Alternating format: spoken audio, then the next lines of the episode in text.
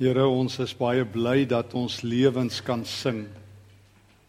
Dat die taal van ons hart ook die taal van ons lippe, ook die taal van ons lewe is. Asseblief maak dit vanaand ook so. Maak dit elke dag so dat ons lewe fyn ingestem sal wees om saam met die Here te sing, om saam u musiek te maak. Hoor ons in Jesus se naam. Amen. Ek lees die ehm die ehm storieetjie wat eintlik al geskryf is in die 18de eeu. Uh en ek dink ons dalk ken julle dit die storie van ehm um, wat deur Jonathan Swift geskryf is, Gulliver's Travels. Uh julle onthou die ou wat uiteindelik daar in Lilliput aangekom het en toe uh as hy hierdie reus en uiteindelik neem hom gevange hierdie groot reus Gulliver daar in Lilliput en dan lees ek 'n stukkie sommer in Jonathan Swift se boek uh, waar hy sê when the Lilliputians first saw Gulliver's watch that wonderful kind of an engine a globe half silver and half of some transparent metal they immediately uh, identified it as the god he worshipped. After all he seldom did anything without consulting his watch. He called it his oracle and said it pointed out the time for every action in his life. En miskien is dit so, miskien is daar in ons almal se lewe een ding wat belangriker is as geld. Wel ten minste in die meeste mense wat ek ken se lewe, is daar letterlik een ding wat belangriker is as geld. En dit is tyd. Geld kan die meeste mense weer inhaal, die meeste mense as hulle dit verloor het. Tyd kan jy nooit weer inhaal nie, nooit weer nie. Tyd ehm um, soos dit verbygaan, is dit verby. Tyd het uh, geen manier om ingehaal te word nie. En ek onthou altyd um, die uitdrukking van die ou flieke wat uh, ek so nou en dan nog kyk omdat ons 'n bietjie gebeere het, Aaron Shirley Valentine. Waar Shirley sê I got lost in unused time. Dis 'n verskriklike manier om te verdwaal. En daarom daarom het ons 'n uitdrukking soos tyd is kosbaar. Mens moenie tyd mors nie. Ek maak vir jou tyd. Maar feit is, ons kan nie tyd maak nie. Ons kan nie tyd maak nie. Elke dag het net sy reëlmaat van 86400 sekondes, 24 ure, 60 minute. Tyd wat daarmee heen is, is weg. God maak tyd. Letterlik. Letterlik. En en dit is eintlik ons eerste punt vanaand. God maak tyd. En daarom is die uitdaging, vriende, om in pas te kom met God. Dis dis die Genesis verhaal. Ek gaan nie eers daai tekste lees nie. Ek dink julle ken almal die Genesis storie in Genesis 1, die eerste skepingsverhaal 1 vers 1 tot 2 vers 4a. God maak tyd. Letterlik uh, hy hy hy hy's hy's hy's die ewige God wat in ewigheid spoed lewe. En dan maak hy tyd en die eerste ding wat God kies as hy tyd maak volgens die Genesis storie is dat hy kan ek dit sê vandag tyd maak. Jy sal onthou uh, die skepingsverhaal loop so in Genesis 1 dat God telkens sê die Genesis skrywer vertel dit was aand en dit was môre die eerste dag. Dit was aand en dit was môre die tweede dag. So God kies om tyd te maak in terme van van dagtyd. Die eerste ding wat my opval is dat God se dag wanneer begin? In die aand. God begin in die aand. Waar eindig die meeste van ons se dag? Ja, in die aand. Ek weet nie hier by julle nie, maar daar in Gauteng waar ek bly, is die ouens teen die aand klaar. Die ridders van die Waalpad is dan van Gauteng se snelweë af. Hulle is klaar, hulle is moeg. Dag was hard. Jy moes tussen die taksies deurkom en jy's moeg. Ek onthou toe ek so jong ouetjie was op skool nog. Ehm um, een van my maats as sy pa huis toe kom dan die tannie sê ons moenie praat nie, die oom is moeg. En dan bring sy vir hom koffie en sy lei hom koud en dan koel die oom af. En dan uh dan kan ons so bietjie met hom praat. Hoe dink ek vet, dit lê vir my voor ek ook nog eendag groot mens word. So kom ek so van Dr. Zeus hou wat sê grown-ups are obsolete children. Um Amerikaanse vriend vir my sê never grow up it's a trap. ja. Maar maar feit is feit is, um, ons dag het net mooi omgedraai. Dis 'n geweldige oefening in jou eie geestelike lewe as jy by God se ritme aansluit en besluit die dag het nou begin. Verander die hele manier van lewe. En dan gaan jy deur die dag, die werksdag en sit aand is dit 'n nuwe dag saam met die Here dis 'n geweldige nuwe manier om na tyd te kyk. God maak tyd. Ek leer nog iets terwyl ek daaroor dink. As God tyd maak, kyk, jy moet een ding onthou, God het tot op hierdie oomblik dat hy tyd gemaak het, teen ewigheidsspoed geleef.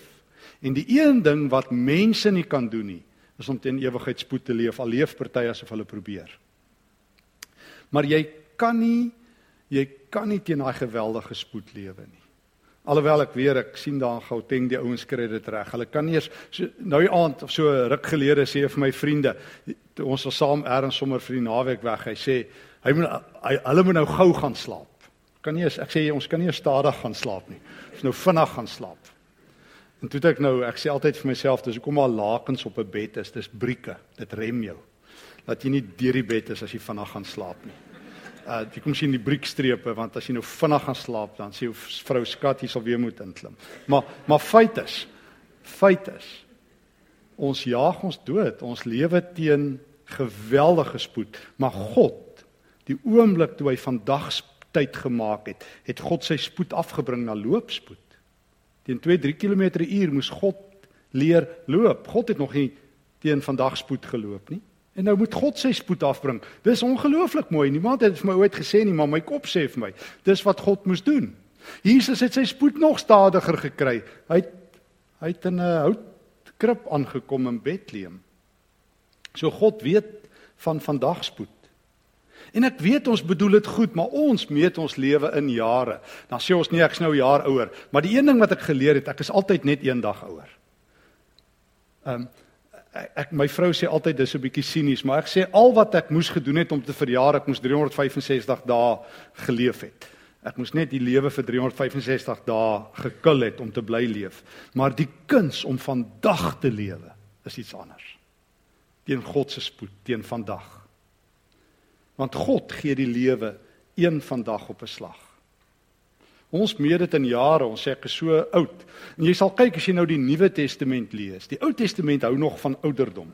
Jy hoor elke keer hoe oud word mense. Maar in die Nuwe Testament gaan jy sukkel om ouderdom te kry. Jy sal in die begin van Lukas sê jy hoor van twee persone se ouderdom. Jy kan gaan kyk waar, Simeon en Anna. En uh, verder is ouderdom amper weg. God meet net nie meer mense se ouderdom en hoe oud hulle word nie. En ek vermoed die rede is omdat God vandag spoed het. En dat hy die kwaliteit en die inhoud van jou lewe meet, hoe jy elke vandag wat jy het vir die Here opleef. Paulus skryf vir die Efesiërs in Efesiërs 5 dat hulle as te ware die tyd moet uitkoop, want die tyd gaan so by jou verby en jy moet gryp daaraan. Die uitdrukking wat ons baie gebruik oor tyd is 'n mens moet tyd nie mors nie. Maar daar's iets erger wat jy met tyd kan doen as om dit te mors. En dit ehm um, en dit wil ek dit is ons tweede groot ding wat ons vanaand moet leer uit uit Hebreërs hoofstuk 3 en ek wil dit sommer net so 'n stukkie lees uit Hebreërs 3. En dit is dat 'n mens moet ewige tyd mors kan besig wees. Hebreërs 3 ehm um, uh, sê die Hebreërs skrywer vers 7 Luister daarom na wat die Heilige Gees vir julle sê vandag as julle sy stem hoor. Moet julle nie hardkoppig wees soos julle voorvaders toe hulle in opstand teen my gekom het in die woestyn nie. En dan so eentjie verder haal die Hebreërs skrywer dit weer aan in vers 15. Daarom word daar gesê: "Vandag as julle sy stem hoor, moet julle nie hardkoppig wees soos julle voorvaders nie." Dis 'n aanhaling uit Psalm 95. En weer 'n keer in Hebreërs 4 vers 7. Ehm um, Vandag as jy sy stem hoor, moet jy nie hardkoppig wees nie. 3 keer in 2 hoofstukke sê God, vandag moet jy nie harde kop hê nie. Vandag moet jy nie doof wees nie. Vandag moet jy nie die fout van jou lewe maak om nie in pas met God te wees nie. Nou nou as God dit 3 keer dink, hy maak tyd, hy maak vandag tyd en hy sê die grootste enkele ding wat jy moet tyd kan doen is om vandag hardkoppig te wees. As God by vandag op dag want hy daag waaragtig by elke dag op wat die naam vandag dra en hy daag by elke dag op wat hy skep en wat hy vir mense gee. En daarom gebeur die tragedie dat baie mense, jonk en oud, eenvoudig ewige tyd mors. Jesus vertel twee stories oor tyd. Wel, hy dit gaan oor meer as tyd, maar dit het ook te maak met tyd. En ek wil jou vir 'n oomblik uitnooi om die eerste een te lees en dit is ons derde punt en dit is ehm um, ons ehm um, in Lukas hoofstuk 12. Vertel Jesus die storie van die ryk dwaas in Lukas 12. Ehm um, hy vertel en ek wil dit sommer net so ehm um, en dan gaan ons kyk na Lukas 19. Die die ryk dwaas Lukas 12 vers 13. Iemand in die menigte sê toe vir Jesus: "Meneer, sê vir my broer hy moet my erfenis met my deel." Jesus antwoord hom: "Wie het my as regter as deler oor julle aangestel?" Kyk, kyk, ek het groot geword met die in die kerk dat Jesus is die antwoord. Maak nie saak wat s'ie vraag nie, Jesus verskil. Hy's nie die antwoord as ouens geldelike probleme het nie. Ouens sê vir hom, Here, ons wonder of jy gou na ure ons gou bietjie kan help. Jy sien ons boedel werk nou nie uit nie. My broer wil nou nie my geld deel nie. Dan sê Jesus vir hom, "Wat? Wat dink jy van my? Dink jy ek doen gou na ure bietjie testamente en dan doen ek 'n paar genesings net so net om my besig te hou?" Jesus is so kwaad dat die ou sê om hom eintlik so so 'n vraag vra. Hy sê, "Maar kom ek vertel vir jou waarmee ek jou kan help." Dan vertel hy vir hom 'n storie wat Jesus 'n meester op is. Hy's die meester storieverteller. Hy hy het al sy grootste lesse het hy in storievorm met ons gedeel. Nee, Jesus het nie dogmatiek handboeke geskryf en kerkordes geskryf en ek is nie ateen nie. Dit is nie 'n negatiewe opmerking of gesistematiseerde leerstukke gemaak of standpunte gehad. Wat dink die kerk hieroor? Jesus, wat dink jy oor dit nie? Elke keer as hom gevra het, sê kom ek vertel julle goue storie. Ek wil julle 'n storie vertel oor tyd en oor hoe tyd gemors kan word. Hy sê eendag was daar 'n ryk man wat sy grond goed gedra het. Hy het toe by homself gedink, wat moet ek doen? Ek het nie 'n plek waar ek my oes kan opgaar nie. Toe besluit hy, dit sal ek doen. Ek sal my skure afbreek en ehm um, groter bou. Dan sal ek al my graan en my ander goed daarin opgaar. Dan sal ek vir myself sê, mens, jy het nou baie goed uh, wat weggesit is vir baie jare. Hou op met werk, eet, drink en leef lekker. Wat 'n verskriklike lewensfilosofie. Werk hard, speel hard. Tree vroeg af. Ek het dit gemaak. As daai ou daar in die straat verbygeloop het, het hy ons sê, "Sjoe, sjoe, daai is 'n gemaakte man." Hy het vooruit gegaan in die lewe. Ek sit nou die dag by 'n plek toe hoor ek hulle sê van iemand, "Sjoe, daai ou het vooruit gegaan in die lewe." Toe dink ek, "Maar ons is darm nog op dieselfde plek, ons almal." So ek weet nie waartoe sy op pad nie, maar ons moet hom hy's ergens hier op pad. Maar feit is, Feit is hierdie ou het dit gemaak en dit wat in die lewe tel. Maar nie in God nie. En nou gaan Jesus aan. Hy sê maar God het vir hom gesê, jou dwaas. Ja, God het net twee woorde nodig om ou se hele lewe op te som. Almal as daai ou verbyloop, dan sê die mense, kyk daai man. Daai ou is ryk. Hy haal elke jaar die rykste ou in die wêreld tabel en God sê jou dwaas. Vannag Hier's 'n slegte vandag op pad en dis vannag, sê God. Vannag sal jou lewe van jou opgeëis word en wie kry dan alles wat jy bymekaar gemaak het? So gaan dit sê Jesus. Met almal wat vir hom skatte vergader vir homself en nie ryk is in God nie. Wat 'n lewenslange oefening in tydmors. Dat God daai ou se hele lewe kyk en sê, "Vriend, jy het dit gemis." Jy het jou hele lewe op jouself uitgemors. Jy het tyd gemors. Ek het nog nooit nou ek's nie 'n gemeenteleraar nie, maar ek dink die gemeenteleraar sal weet maar die kere wat dit al met my gebeur het. As ek by mense een of twee keer in my lewe se sterfbed was, het ek nog nooit 'n ou op 'n sterfbed hoor sê: "Bring gou my ouditeur, ek wil gou nog 'n sake transaksietjie deurdruk voordat ek my laaste asem uitblaas nie."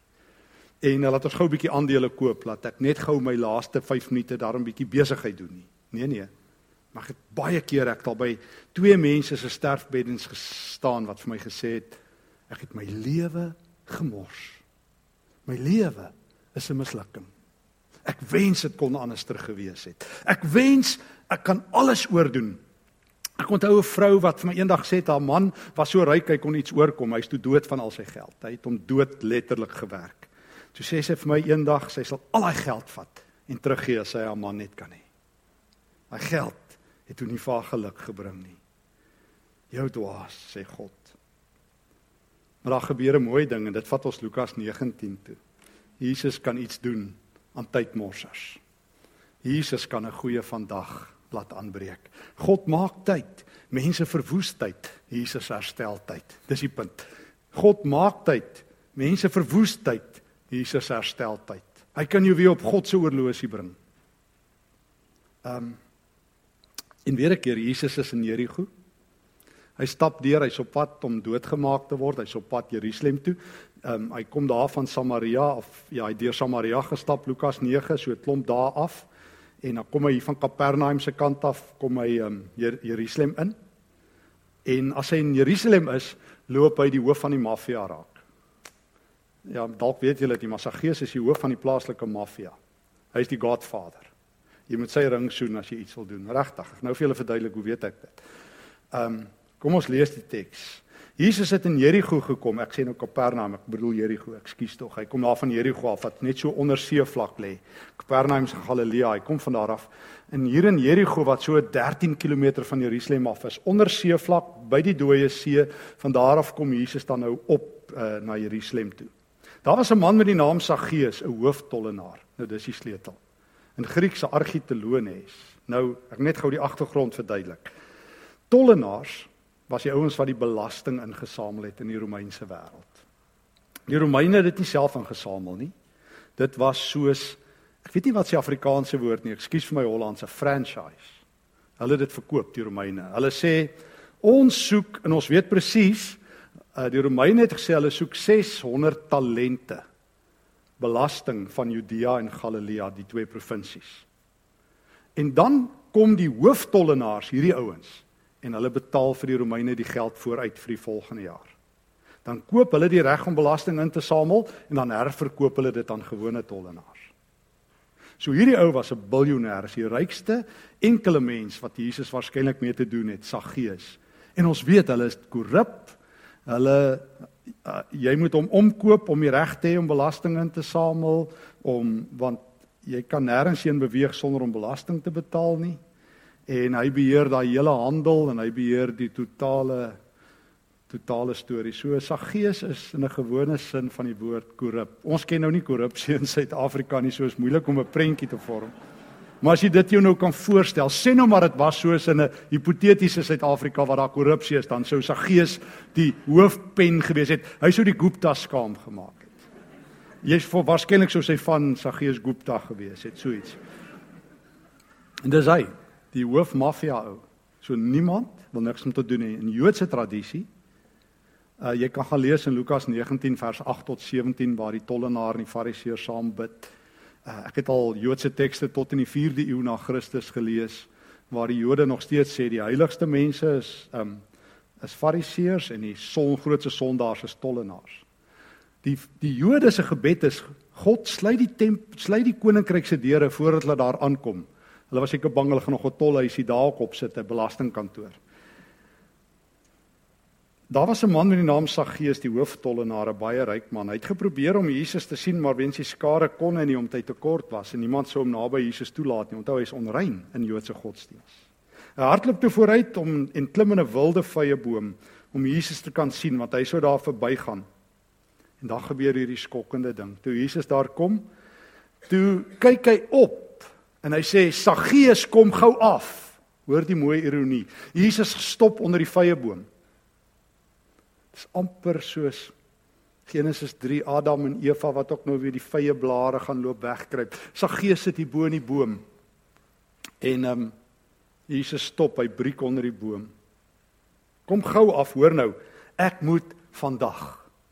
Dat 'n nuwe vandag aangebreek, Saggeus, op God se oorlosie is vandag 'n baie goeie dag. En weet jy wat? Op God se oorlosie gaan dit nie oor minute en ure nie, maar op God se oorlosie is daar name en gesigte. God se oorlosie word bepaal deur verlore mense. En toe Jesus sien daai oues op God se oorlosie en Jesus het so by so nie 'n dagboek nie, maar hy het 'n vandagboek. Dis groot verskil. Stop hy en hy sê ek moet vandag by jou tuis gaan.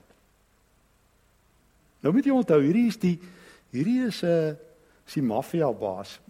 Jy dis dis stories waarvan skinderpraatjies in die kerk gemaak word as jy by sulke mense aan huis gaan. En dis ook nie net links nie. En hy het toe gou afgeklim vers 6 en hy het Jesus met blydskap ontvang. Almal wat dit gesien het, het beswaar gemaak. Hulle doen daai godsdienstige ding, hulle is ongelukkig wat ehm um, klaar agterkom dis een van die standaard dinge wat baie godsdienstige mense doen. Hulle is beswaard. Hulle is daarteen. Hulle is bekommerd. Hulle weet nie waar gaan dinge heen nie. En hier's hier's hulle almal weer in daai ding. Hy gaan by 'n sondige mens tuis. Iemand sal dit moet ondersoek. Erns sal hy kerklik geprosedeer moet word. So kan dit nie aangaan nie. Hy's heilig en nou kom hy by die maffia baas.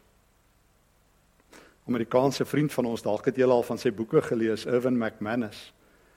Hy ehm um, hy het nou baie siek geword, maar hy hy het uh hy het 'n paar ongelooflike kerke in Los Angeles. En tot so 4 jaar terug het hulle nooit 'n vaste kerk gebou gehad nie. Hulle het 'n paar nagklaps gehad.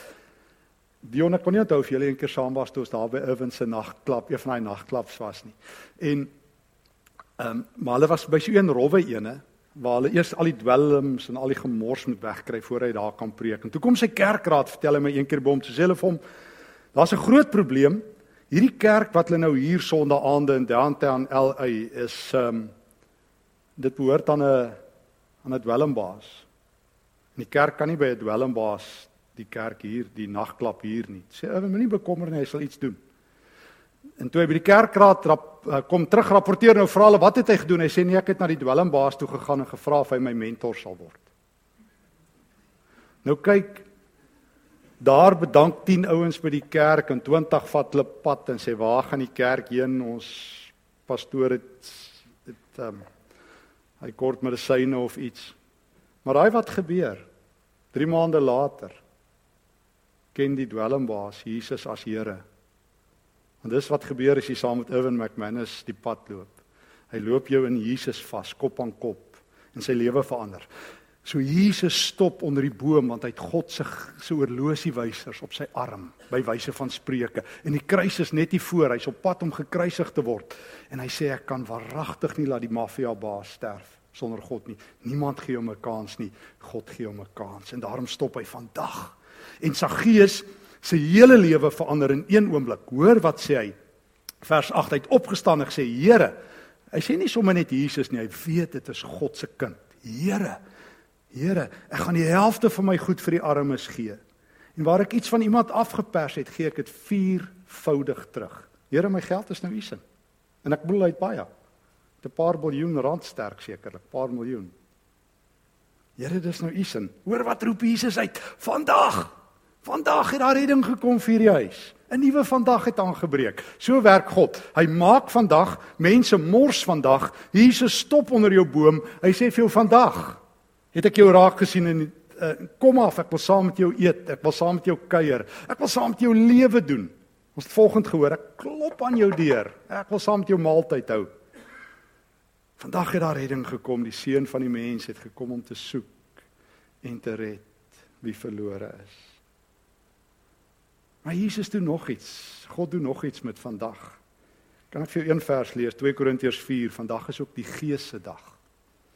As dit waar is dat op God se as God moet vandag begin werk, hy loop stadig genoeg om saam met mense te loop. Soos die ryk dwaas van Lukas 12 verwoes ons alles. Jesus kom stop onder my vrye boom, onder my lewe en hy sê vandag wil ek 'n nuwe vandag laat gebeur, maar hy wil nog iets doen. Hy wil sy gees oor ons uitgiet. 2 Korintiërs 4. Ek lees hierdie aangrypende woorde vers 16. Uh vir my van die mooiste woorde in die Bybel. Om hierdie rede word ons nie moedeloos nie. Al is ons uiterlik besig om te vergaan, innerlik word ons van dag tot dag nuut gemaak, vernuwe. Wie maak ons nuut van binne af? Die Heilige Gees. Teen watter tempo maak God ons nuut? Dag vir dag. Die een ding wat God nie moet ons doen nie, hy hy laat ons nie staan nie. Ehm um, ek was so jong dominetjie daar in Benoni. Ehm um, en ehm um, daar in Pitfontein dis eh, die ouens wat daai dele ken, meeste ouens kom net van die Oosterrand af. Hulle gaan nie terug nie, maar ek gaan daarom nog altyd terug. Ouens wat ek ken wat van die Oosterrand af kom. Maar Benoni is 'n rowwe plek. In elk geval ek was toe daar en en ek onthou ek onthou die die die ouderling vertel my van die moeilike oom. Nou gelukkig, ek weet hier's nie moeilike ooms nie, so ek kan die storie vertel. Maar daar's toe 'n moeilike oom. En ons los hom toe vir laaste met huisbesoek. Ek het altyd die moeilikste ouens vir laaste gelos. En uh toe ek daar by hom in die huis kom, toe sê hy vir my, "Jy het seker gehoor van my, maar hy swaai 'n vinger wat so groot is soos my hand hier onder my neus." Ek sê, "Nee, ek het gehoor van oom." Hy sê, "Ek is so gemaak en so gelaat staan." Ek sê, "Nee, ek het so gehoor, oom." Hy sê, "Sal julle my vat soos 'n kus? Ek soek nie van julle jong ouetjies moeilikheid nie." Ek sê, "Nee, dis reg, oom." Hy sê, "Nee, dis wat hy wil hoor." Ek sê, "Oom, ons ek vat jou net soos jy is." Hy sê nee, hy's baie bly om dit te hoor. Ek sê, "Maar oom, ek het nou 'n probleem want oom sien ek is nou in die Here se naam hier en hy vat nie oom se twak nie." So ons sal nou moet besluit oor hierdie ding. Ek sê want Stefan vat oom soos hy is. Ek is ek sê oom is so groot, ek is so bang. Ek sê oom, maar ek is nie bang genoeg om vanaand vir oom die Here se woord te bring nie. En die Here vat nie oom se twak nie. Ek sê oom, 2 Korintiërs 3 vers 18. Hy sê ons almal weerspieël die heerlikheid van die Here. Ons word al hoe meer verander om aan die beeld van Christus gelyk te word. Die Here is besig om ons te verander oom van heerlikheid tot heerlikheid. So as oom die afgelope 20 jaar dieselfde is, wil ek vir oom een ding vanaand sê, die Here het opgegee op oom. Weet oom wat beteken dit? Oom is op pad hel toe. Iemand moet dit vir oom sê. Want oom waar die Here werk vir ander mense, hy vat jou soos jy is. Hy vat sa gees, maar hy los hom waaragtig nie. God is met 'n nuutmaakprogram besig. Die Heilige Gees is besig om my oor te maak en voor te begin en oor te begin en voor te begin. Ek is seker so 'n paar jaar terug toe ek hier Pinkster gehou het, moes ek vertel van God se aardse adresse en as ek nie het nie vra ek om verskoning. Ek het volgende daarna net ook so genoem, maar ek onthou dat ek so preek daaroor gehad het. Maar God se laaste aardse adres is hy bly by mense. Hy bly nie in geboue nie. Hy het getrek God is nie in die gebou besigheid nie, hy's in die mense verandering besigheid. Vandag, God het nie tyd nie, vandag moet jy verander. Vandag moet dinge anderster wees. En vandag sê Jesus, sal ek jou verander. En vandag sê die Gees sal ek jou verander. En dit maak vir my altyd sin dat daar twee bordjies langs my lewe is. Aan die een kant onder nuwe bestuur 1 Korintiërs 6 vers 20. Julle is gekoop en die prys is betaal. Julle behoort nie aan julleself nie. En aan die ander kant onder permanente konstruksie. Die Here hou nooit opbou in my nie. En dit gee my ook moed want ek maak baie keer gemors. Ek speel eienaarbouer. En bou ek hierdie huise mure vir my so skeef, hulle val net om. En daar's chaos en ek is baie keer net vol van myself en ek is dom en ek praat voor ek dink en al sulke goeters dan moet die Here kom deur sy gees en dit oorbou maar hy hou nooit op nie. Partykeer as ek so moedeloos is met myself en ek val voor die Here neer en ek sê ek is so jammer Here, dan weet ek ek het in Jesus arms ingehardloop. Hy kom kuier. Hy gee nooit op nie. Hy's besig met jou en met my. Hy los ons nie. En ook nie die oom daar in Pitfontein nie, want hy het hom toe die aand in 'n bekering ingeskrik en hy toe ehm um, toe verander en gegroei en ek het gesien hoe die Here met hom op pad loop. En dan laastens, en daarmee sluit ons af.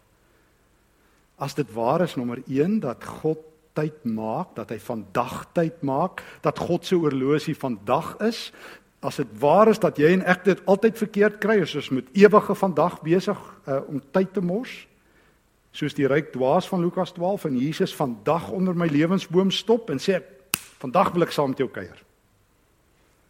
En as Jesus kom kuier, kom die Gees ook. Dan vat hierdie ou rowerspelonk en hy maak my 'n tempel van die Here. Maak nie saak hoeveel keer ek die Here se hart breek nie, hy kom elke keer weer. Maar hy doen nou en, en nou daarom kan ek vandag iets vir die Here doen. Vandag is die dag wat ek kan goed doen. Vandag is nou die dag wat ek in pas met die Here kan loop. Spreuke 3 vers 27 het my al so baie aangespreek. Moenie 'n weldaad weerhou van iemand aan wie dit toe kom terwyl dit in jou mag is om dit te bewys nie. Moenie vir iemand sê gaan eers terug en kom môre weer dan help ek jou as jy nou reeds kan help nie. Vandag is die dag van die Here om goed te doen. Daar's geen beter tyd as nou nie. Ek het so 'n reël in my lewe, ek noem dit Ohio. Only handle it once.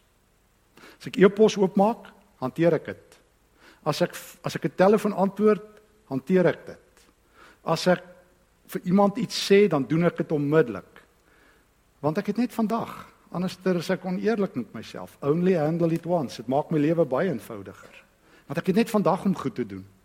So ek het nie die luukse om 'n hele jaar te sit en beplan en te wag op herlewing en te wag op beter dae.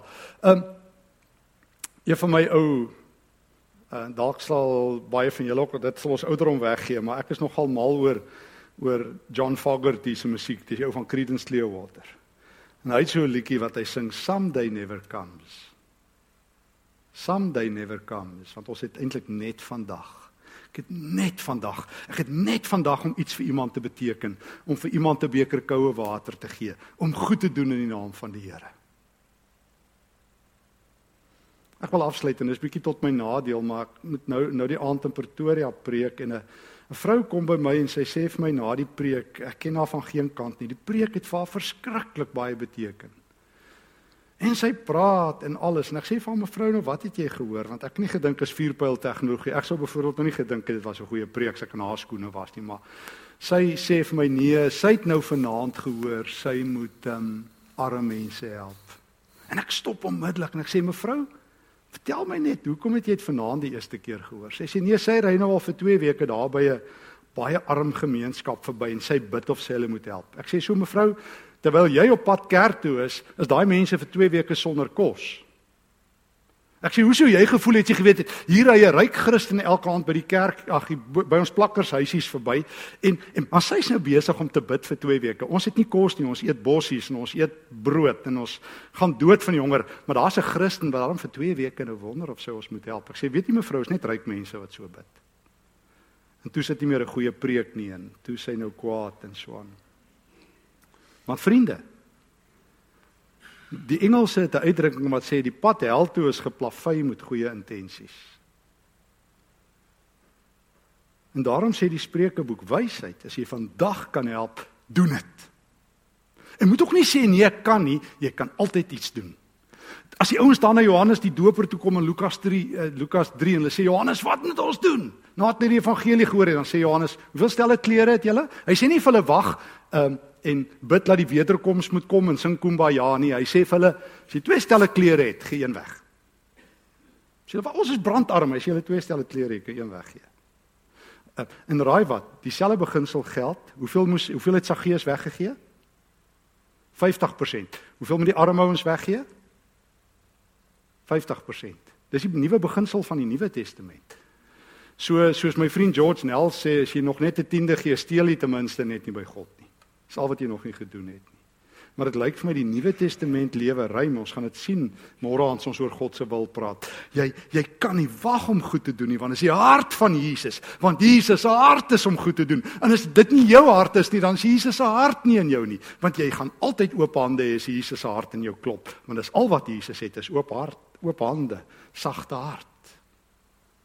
En hy deel die stukkie brood wat ek het, die gebed wat ek het, die paar sente wat ek het.